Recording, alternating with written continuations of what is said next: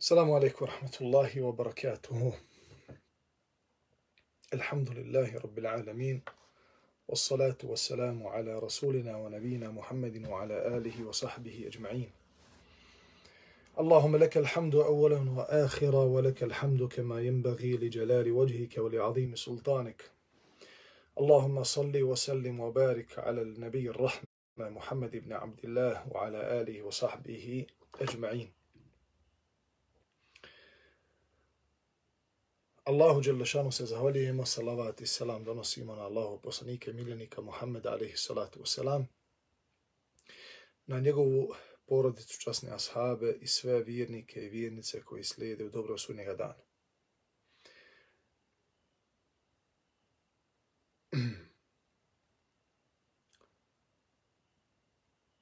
Kod nas se u Bosni kaže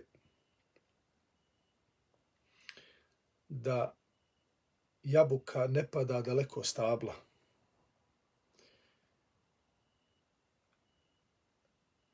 Tako da djevojka ili mladić koji potiču iz fine porodice, od dobrog i poštenog porijekla, dobre kuće, domaćinske. Osnova je da su i oni dobri. I kada želite da vidite o kakvoj se osobi radi, pogledajte šta, šta komšije govore o toj kući.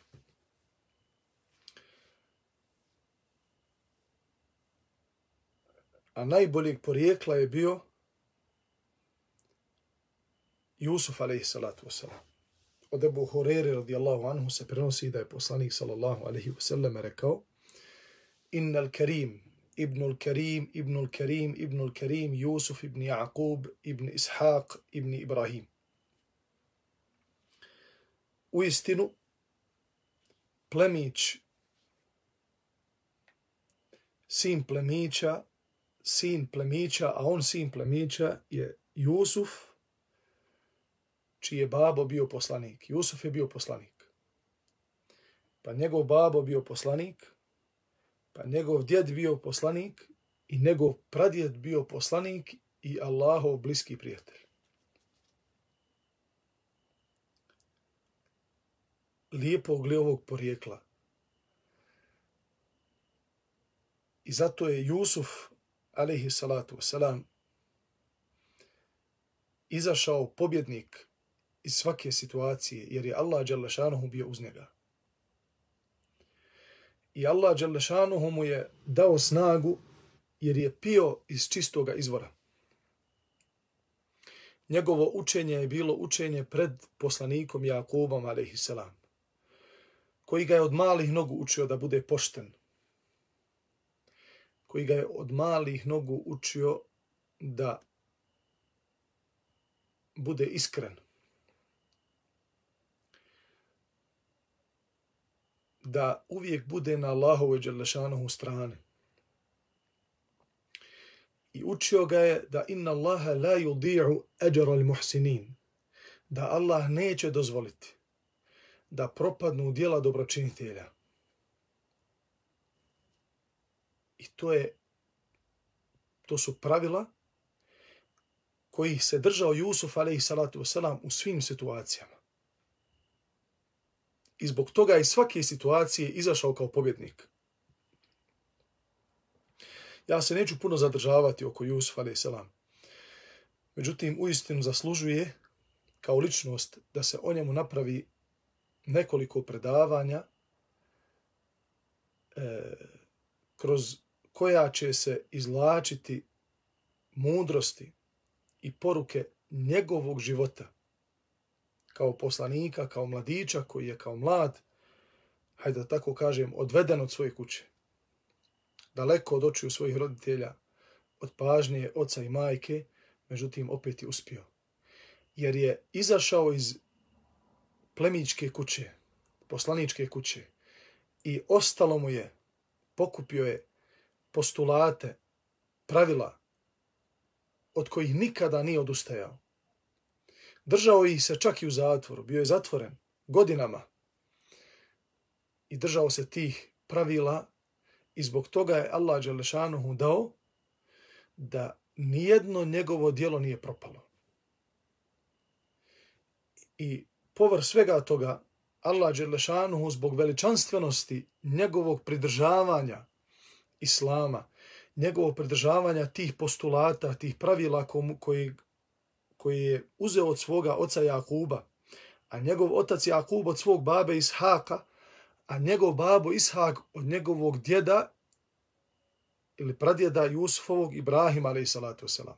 Svi su se oni držali tih pravila, tih postulata, pa ih Allah Đerlešanuhu uzdigao još na Dunjaluku, tako što je spustio kuranske ajete koji će se do sudnjega dana učiti i govoriti o njihovim dijelima.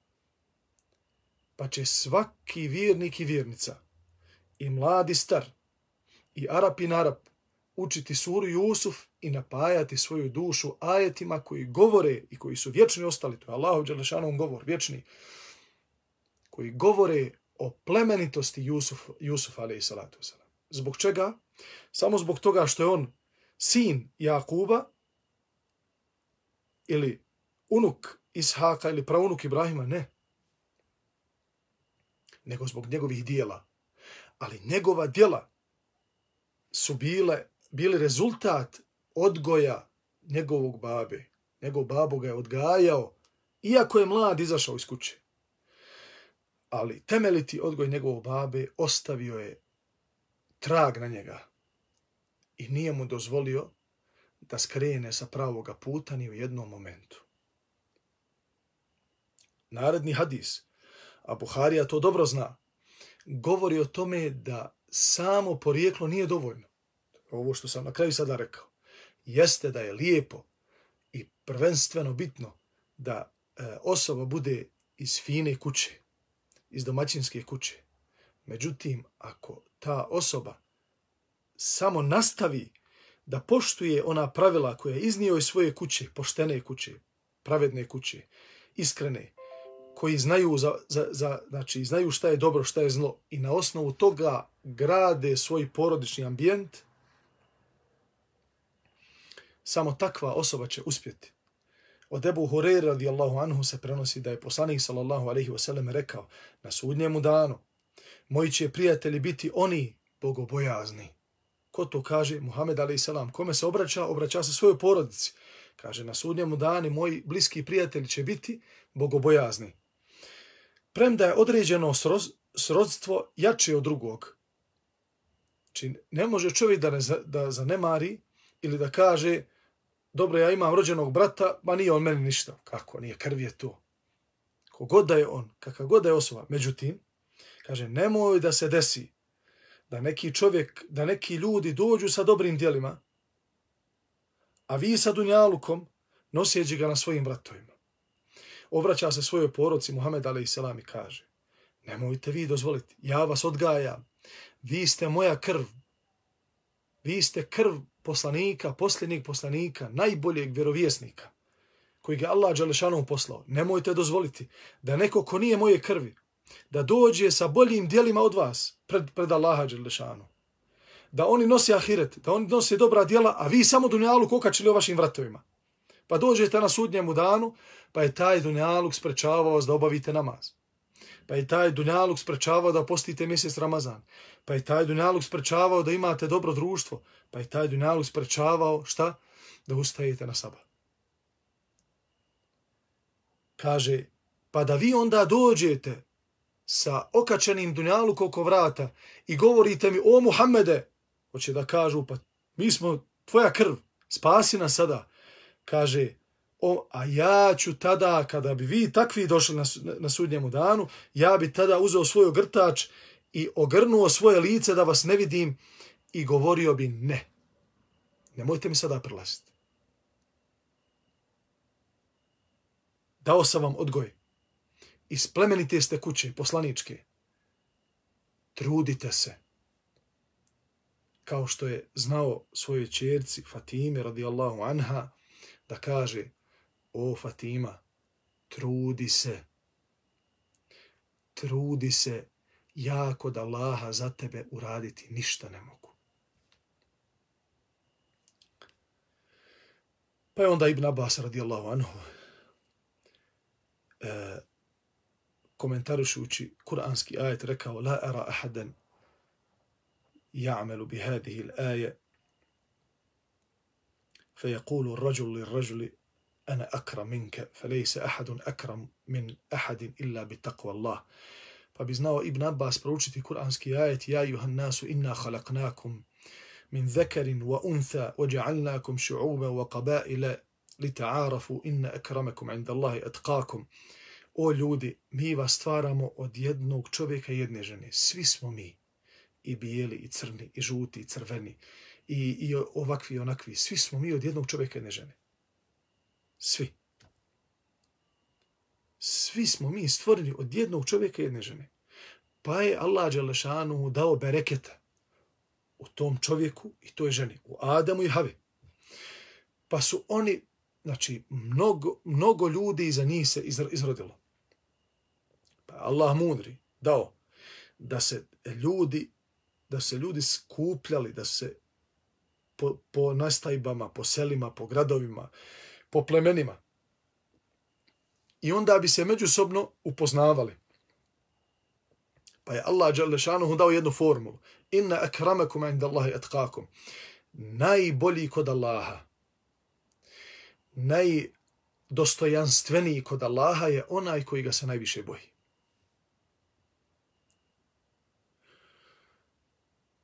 Ne postoji jača funkcija na ovome svijetu i na budućem svijetu od toga da budeš blizak Allahov rob.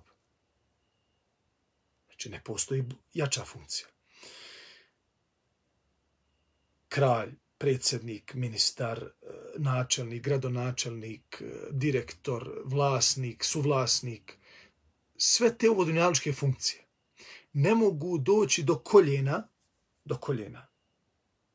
Jačini funkcije čovjeka koji je Allahu blizak i koji je upisan kod Allaha kao blizak Allahov rob. A da bi postao blizak Allahov rob, pogledajte, ne moraš biti jakoga porijekla. Ne moraš da budeš jak ili lijep ili mlad ili sa određenim ovodunjalučkim karakteristikama kao š, e, kako to ljudi gledaju na određene stvari. Jer mi smo, pazite, mi smo pola E, pola smo duhovni, pola smo materijalni. I nemoguće je, jer to je naša priroda, znači taj naš dio, materijalni dio nas privlači da volimo ono što je materijalno lijepo. I to nikada ne možemo od sebe odgnati, jer mi smo ljudi. Bića koja su stvorena od materije i od duha. Jedan dio nas, ovaj materijalni dio, voli materiju. Međutim, kod Allaha to ništa ne znači. Kod gospodara svjetova, materija ništa ne znači. Ne. Znači, jer Allah ne gleda onako kako mi gledamo.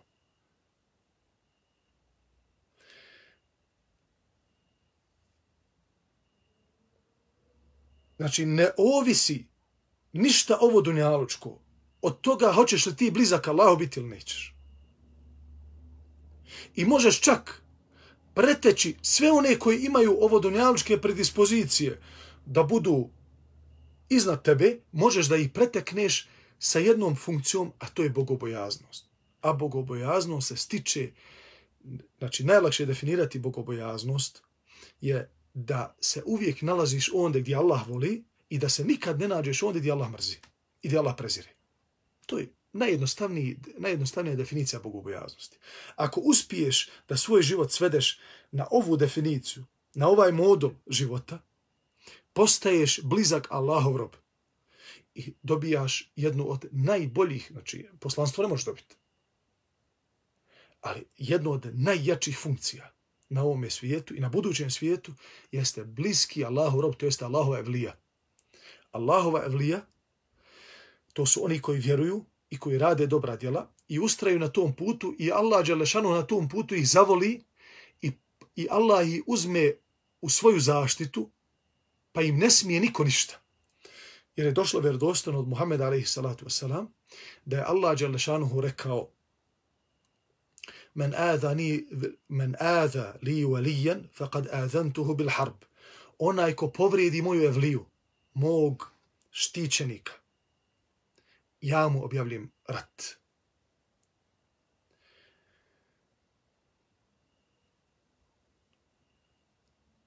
Zatim, Imam Buharija nakon ovih, e, nakon e, srodstva, porijekla, e, načina svatanja da onoliko koliko je bitno tvoje porijeklo, toliko je još bitnije i bitno ono što si ponio iz svoje kuće i da radiš na tome. I da radiš po tome. Nakon toga Imam Buharija navodi ovaj duhovni dio. Duhovni dio nas koji je također neizbježan i jako utiče na naše biće cjelokupno, kao što ovaj materijalni dio koji se vidi na nama, utiče na nas i na naš život na ovome svijetu. A to su naše duše.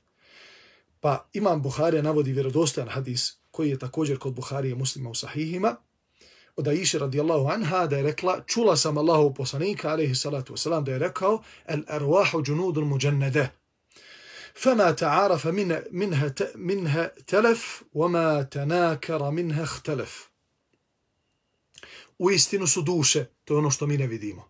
To je ono što se nalazi u nama i to je rotor našeg bića. Onog trenutka kada duša izađe iz našeg tijela, naše tijelo postaje ništavno do te mjere da tvoji najbliži puštaju suze i žalosti zbog toga što ne možeš da ih vidiš, što ne možeš da komuniciraš sa njima, što ne možeš da se pokrećeš, što tvoji organi više ne rade, nisi više živo biće. Nisi više ono živo biće koje će sjest sa njima, pojest, popit, radova se i, i tugovat, i slavit, i hodat, i boravit. Plaču, ali te spustaju u zemlju. I čak i žure, čak i žure da te što prije zatrpaju. Pa uzimaju po deset lopata, pa nagrću, nagrću e, busenje i, i, i, i zemlju na tebe, kao da postojao nikad nisi. Zbog čega? Samo zbog jednog momenta. Zato što više ta duša nije u tebi. A ta, znači, ta duša je osnova tvog bića. Od Aisha radi Allah se prenosi da je Muhammed a.s. salatu rekao duše su poput postrojenih vojski. Znači nisu jedinke. Duše su također kolektivne kao što smo mi kolektivni.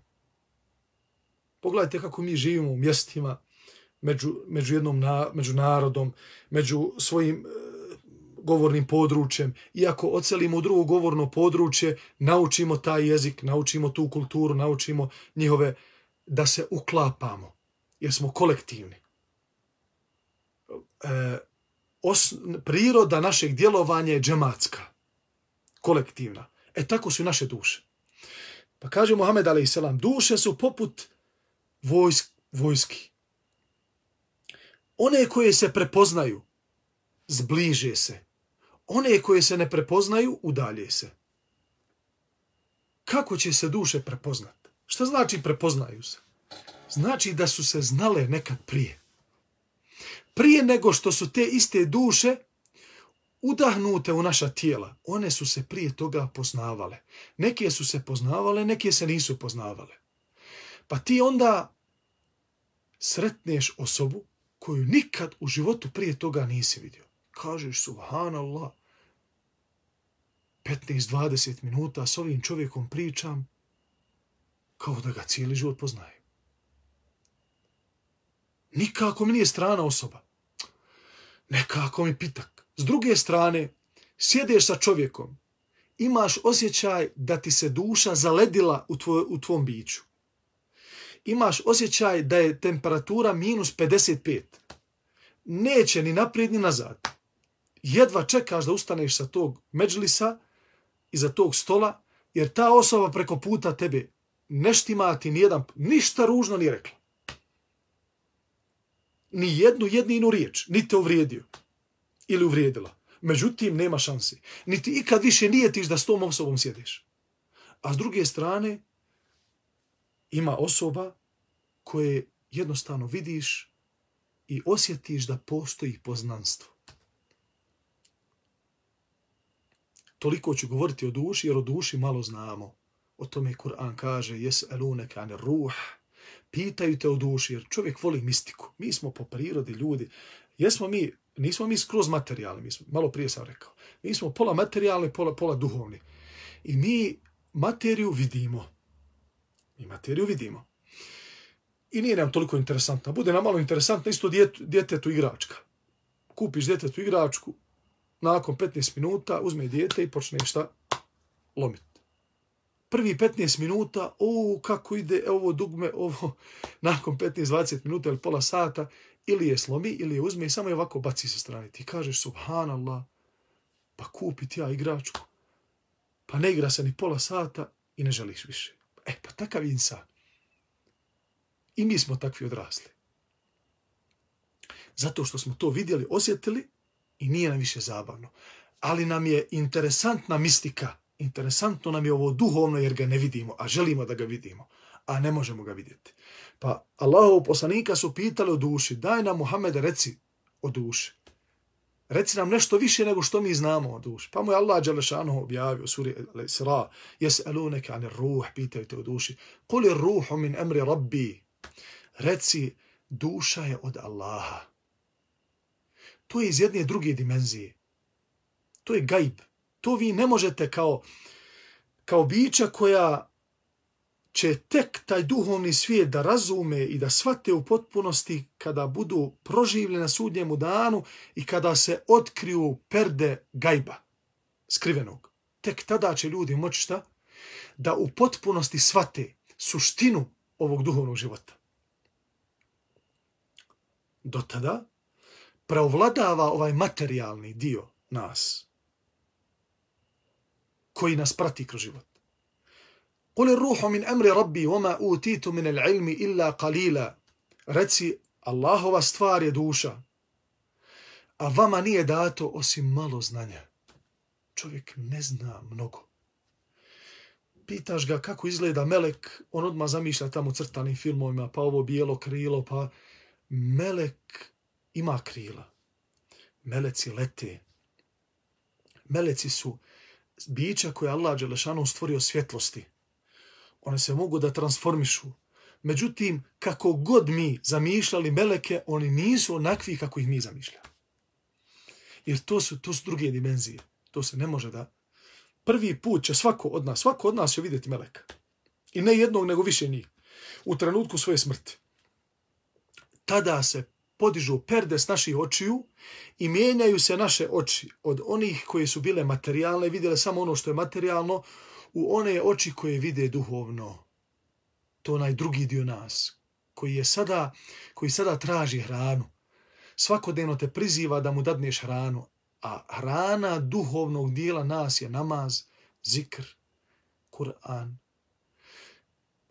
razmišljanje o Allahu, dobra djela ahiretski način življenja. Taj drugi dio nas nas stalno priziva da, nas, da, da ga ispunimo sa onim što je Allah Đelešanu objavio.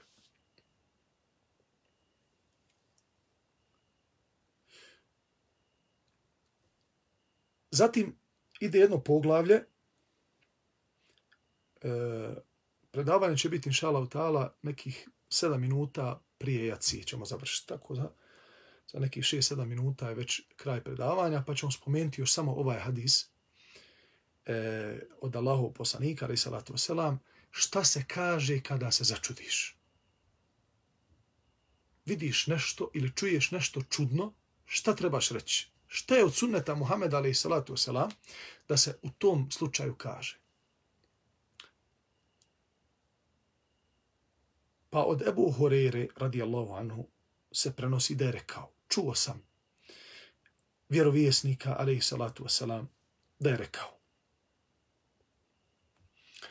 Dok je pastir bio među svojim stadom, napade ga vuk i zgrabi jednu ovcu.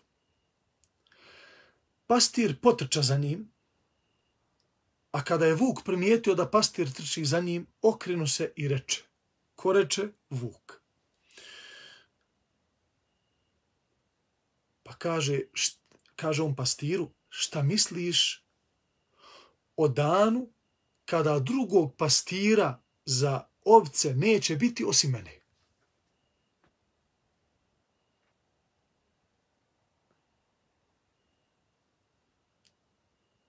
Šta misliš o danu kada drugog pastira za ove ovce neće mimo mene biti? Onda kada zvijeri budu pitome. Pa su ljudi čuvši to u prisustvu poslanika Muhammed ali salatu wasalam rekli subhanallah. Šta ovaj priča? Vuk se okrenuo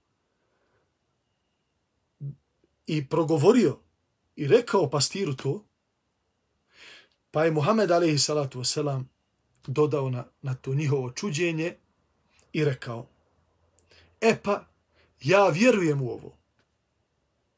U šta vjeruje? U ovaj haber što je pasti rekao da je Vuk progovorio. Jer nije prvi put u istoriji čovječanstva da je životinja se obratila čovjeku. Vjerodostojno došlo od Muhammeda alaihi salatu wasalam da je u doba Benu Israila čovjek sjeo na kravu. Htio da je jaše. Ljudi su spremni na svašta. Ljudi su spremni na svašta. Konj je za jahanje. Magarac je za jahanje. Od životinja. Ali da sjedeš na kravu koja pase, koja ti daje mlijeko, od koga praviš sir, kajmak i ostale proizvode, koju zakolješ, pa uzmeš meso, pa nahraniš svoju djecu, pa prodaš i zaradiš novac, ti uzmeš da je jašeš i uhvatiš za rogovo i kažeš džiha, hajmo. Pa se okrenula ta krava i rekla nije me Allah zato stvorio. Pa kaže Muhammed alaihi salatu Selam, e pa ja vjerujem u to, da je to Vuk rekao. A vjeruje i Ebu Bekri Omer. Ljudi su rekli subhanallah i to je ispravno. Kada se začudiš nečemu što vidiš i ono što čuješ, a čudno ti, reci subhanallah. I kada se nešto čudno desi i kada se nešto loše desi, reci subhanallah. Neka je slavljen Allah. Ali Muhammed alaih salatu wasalam ovdje naznačio nešto što je bitno, a ovaj hadis je vjerodostojan da je Muhammed alaih salatu wasalam odgojio prva dva, prvu dvojicu halifa, njegovih nasljednika, od početka do kraja. I znao je, alaihi salatu wasalam, sto posto, bez imalo sumnje, da sve ono što vjeruje Muhammed a.s. u to, u, u to neće ni sumljati ni Ebu Bekr i Omer. Jer su od prvih dana, od mekanskog perioda, kroz hijđru, i nakon toga u medijinskom periodu bili uz poslanika Muhammed a.s. sa svojim tijelima, sa svojim sabljama, sa svojim imecima, sa svojim porodicama i sa svojim srcima. Od prvoga dana, od kad su izgovorili la ilaha illallah Muhammedu Rasulullah, do zadnjeg izdisaja živjeli su samo za islam. I zbog toga ih umet islama pamti i po dobru. Spominje i po hajru stalno muslimani kad god ih spomene, ka, spomenu kažu radi Allahu anhuma, da je Allah zadovoljan sa njima. I spominju njihove izreke, pamte ih, bileže ih, prenose ih mlađim generacijama, kako bi se napajali iz tih planina koje su potekle iz odgoja najboljeg vjerovjesnika, Muhammed a.s. a njih dvojica su bili, bili ujedno i dva punca, koji su dali svoje kćere, kćeri, Muhammed a.s. i oženili sa svojim čirkama, sa Hafsom i sa Aishom radijallahu anhum ajma'in, a ja molim Allaha šanuhu, da nam se smiluje, da nam oprosti, da naša srca učini iskrenim, da nam da snage da ustrajemo na pravome putu i da umremo kao muslimani izgovarajući la ilaha illallah, محمد رسول الله أقول قولي هذا واستغفر الله لي ولكم سبحانك اللهم بحمدك أشهد أن لا إله إلا أنت استغفرك وأتوب إليك do narednog predavanja inshallah ta'ala Allah vam dao svako dobro. Assalamu alaikum wa rahmatullahi wa barakatuh.